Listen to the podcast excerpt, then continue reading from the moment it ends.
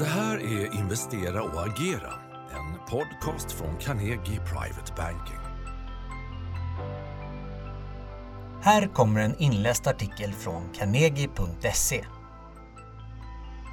Högre inflationssiffror verkar inte beröra varken börsen eller räntemarknaderna. De ekonomiska indikatorerna är fortfarande klart starkare än förväntat. För att skydda portföljen mot stigande inflation rekommenderar vi ökad exponering mot sektorerna energi, råvaror och material. Vad har hänt? Inflationssignalerna fortsätter komma in högre än väntat. Senaste veckan har vi sett hur Feds favoritmått på inflationen, PCE, ökat till över 3,5 procent och Core PCE till över 3 den högsta nivån på 30 år. Dessutom ligger barometrarnas prisindex för industrins insatsvaror både i USA och Sverige kvar på höga nivåer. I Sverige på nivåer vi inte sett på 25 år. Det betyder att guldlockscenariot med hög tillväxt utan inflationstryck börjar nu för första gången på länge att vackla. Ser vi på överraskningsindexen som mäter om olika statistiknyheter varit starkare eller svagare än förväntat är två saker tydliga. För det första så är de ekonomiska indikatorerna fortfarande klart starkare än förväntat med bäst momentum i Europa och tillväxtmarknader. För det andra så får vi allt fler signaler om stigande inflationstryck i de flesta regionerna och uppgången är starkast i USA. I den amerikanska ISM-barometern är det tydligt att det är begränsat utbud som ligger bakom kostnadstrycket. Orderingången är stark och leveranstiderna blir allt längre.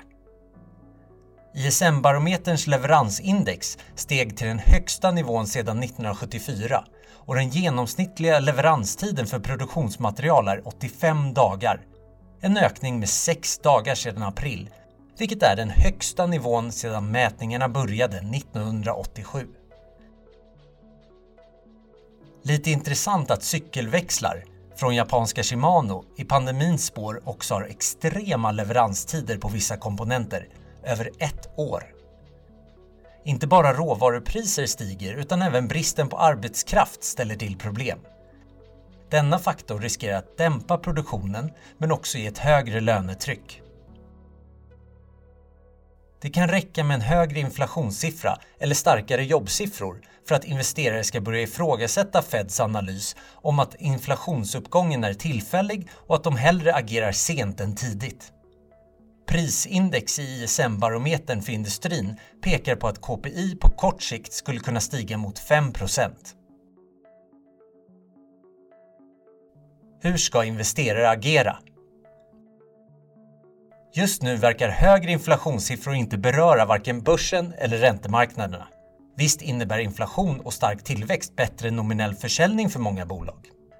Men det finns en risk för marginalpress beroende på branschers olika möjligheter att kompensera för högre produktionskostnader med högre priser mot slutkund, så kallad pricing power.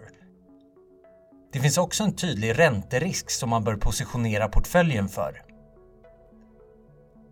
För att skydda portföljen mot stigande inflation rekommenderar vi ökad exponering mot sektorerna energi, råvaror och material.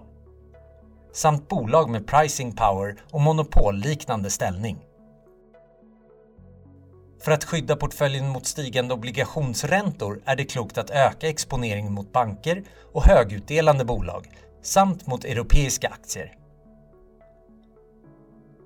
Fokus framåt blir att hålla koll på USAs inflationssiffror som kommer på torsdag. Du vet väl att den här podden finns på både Spotify och iTunes? Om du tyckte det här avsnittet var bra får du gärna ge oss ett betyg eller rekommendera podden vidare.